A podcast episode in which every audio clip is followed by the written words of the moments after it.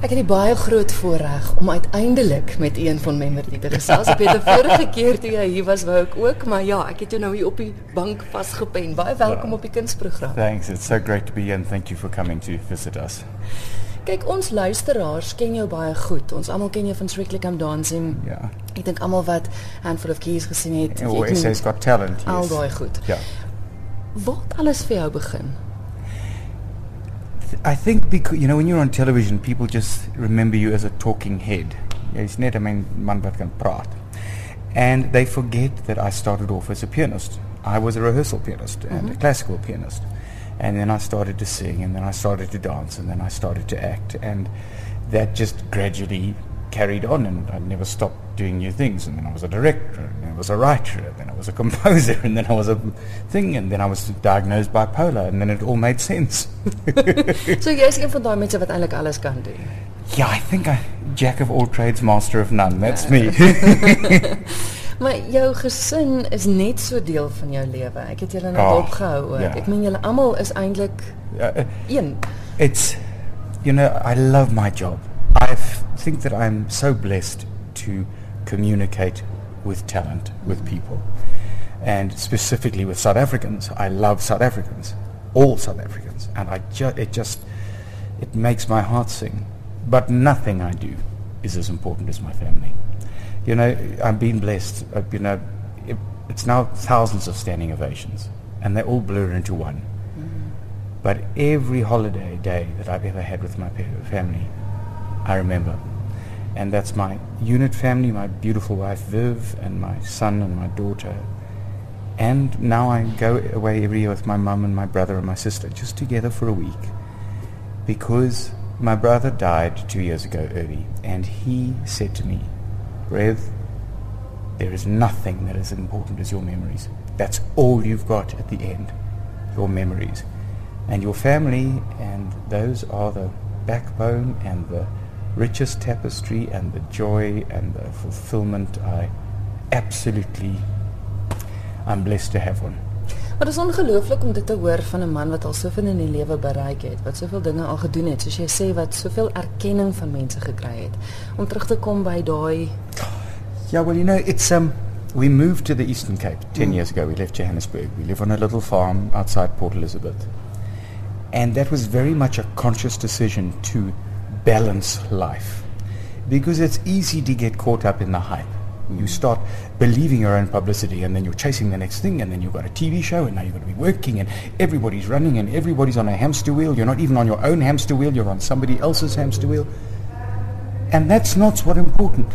You've got to be doing stuff which is important to your heart, but then you want to be feeding your inner self, your heart. Uh, and so that means that you have to be with your family. And so uh, if you ask me, you know, that is ultimate. We love traveling. but home is home is home. And people underestimate that. And in this magazine lifestyle that we're sh- that we're sold all the time on radio, on television, in magazines, on social media, it's always about the new experience. The th- and that is not none of that's going to touch you. That None of that is going to actually, if you are lucky enough to live to an old age where you get to sit in a rocking chair and think, all that stuff will be forgotten. Hmm. The only stuff you will remember is the stuff that touched your heart or your memory or uplifted you or made you smile or cry. Something that made you feel. And we don't invest any time in our modern society with that. So I consciously do that hmm. because I know what a privilege it is. To even be aware of it is a privilege. Want ons is baie bly dat jy jou klein stukkie grond wel agtergelaat het vir 'n klein rukkie. jy is nou hier in die Goudstad met 'n produksie by Monte Casino. Ja. Vertel ons gou waaroor gaan dit. So uh, people have been saying to me, when are you going to do another piano show? Because, you know, after Handful of Keys, which has been this extraordinary ongoing success, I was looking for something completely different to Handful of Keys, but as entertaining and yet would be completely different for me. And then I realized there are very, very few piano creators who have four great talents in one. That they can play the piano, they stars, they write great music, and they write great lyrics. The list is only about 10 people, hmm. literally over 100 years. And the minute I got that, I went, this is unbelievably great material. It's Billy Joel, it's Freddie Mercury, it's Stevie Wonder, it's John Legend, it's Cole Porter, it's Irving Berlin, it's Fats Waller, it's Noel Coward. So now I had a rich bowl to dig my fingers into to get the best material.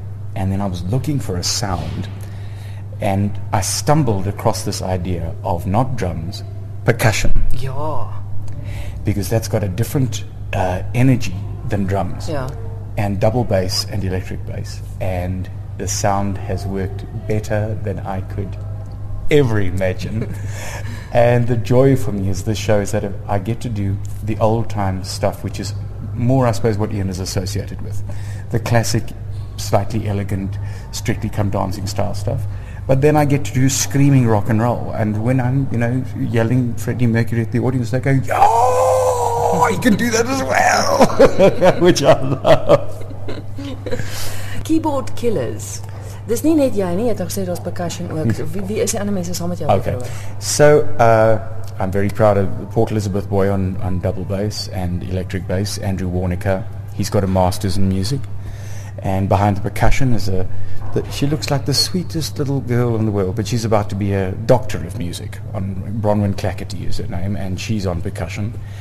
And they have that perfect combination of intense musicality, great work ethic and professionalism, and no drama. I don't like drama at all. I have no time for it. Drama is for life and death situations. It's not for show business or for a concert. so, and we just we rehearsed this day, this show in three and a half days, and it's a two-hour show, and it just went together. We came prepared, but we came with our ears open, mm. because that's what makes music work. When your ears are open to what the other people are doing, and so you start feeding off each other. One song I was going to do was just a piano and voice solo. Andrew played three chords, and I went, "That's it." So now I just do it as a voice, this beautiful bass accompaniment, and it just it's literally like the flowers come out. It's a whole new sound. So it's been a joyous discovery for me. Is dit hierdie 8 mense se se beste hits? Sou mens sê die Oh, bekende yeah. musiek Yeah, of stel yeah. jy die gehoor? I know sometimes I do a music which is not well known. For instance, there's a great Stevie Wonder num- number called I Wish. It's mm. written about his childhood.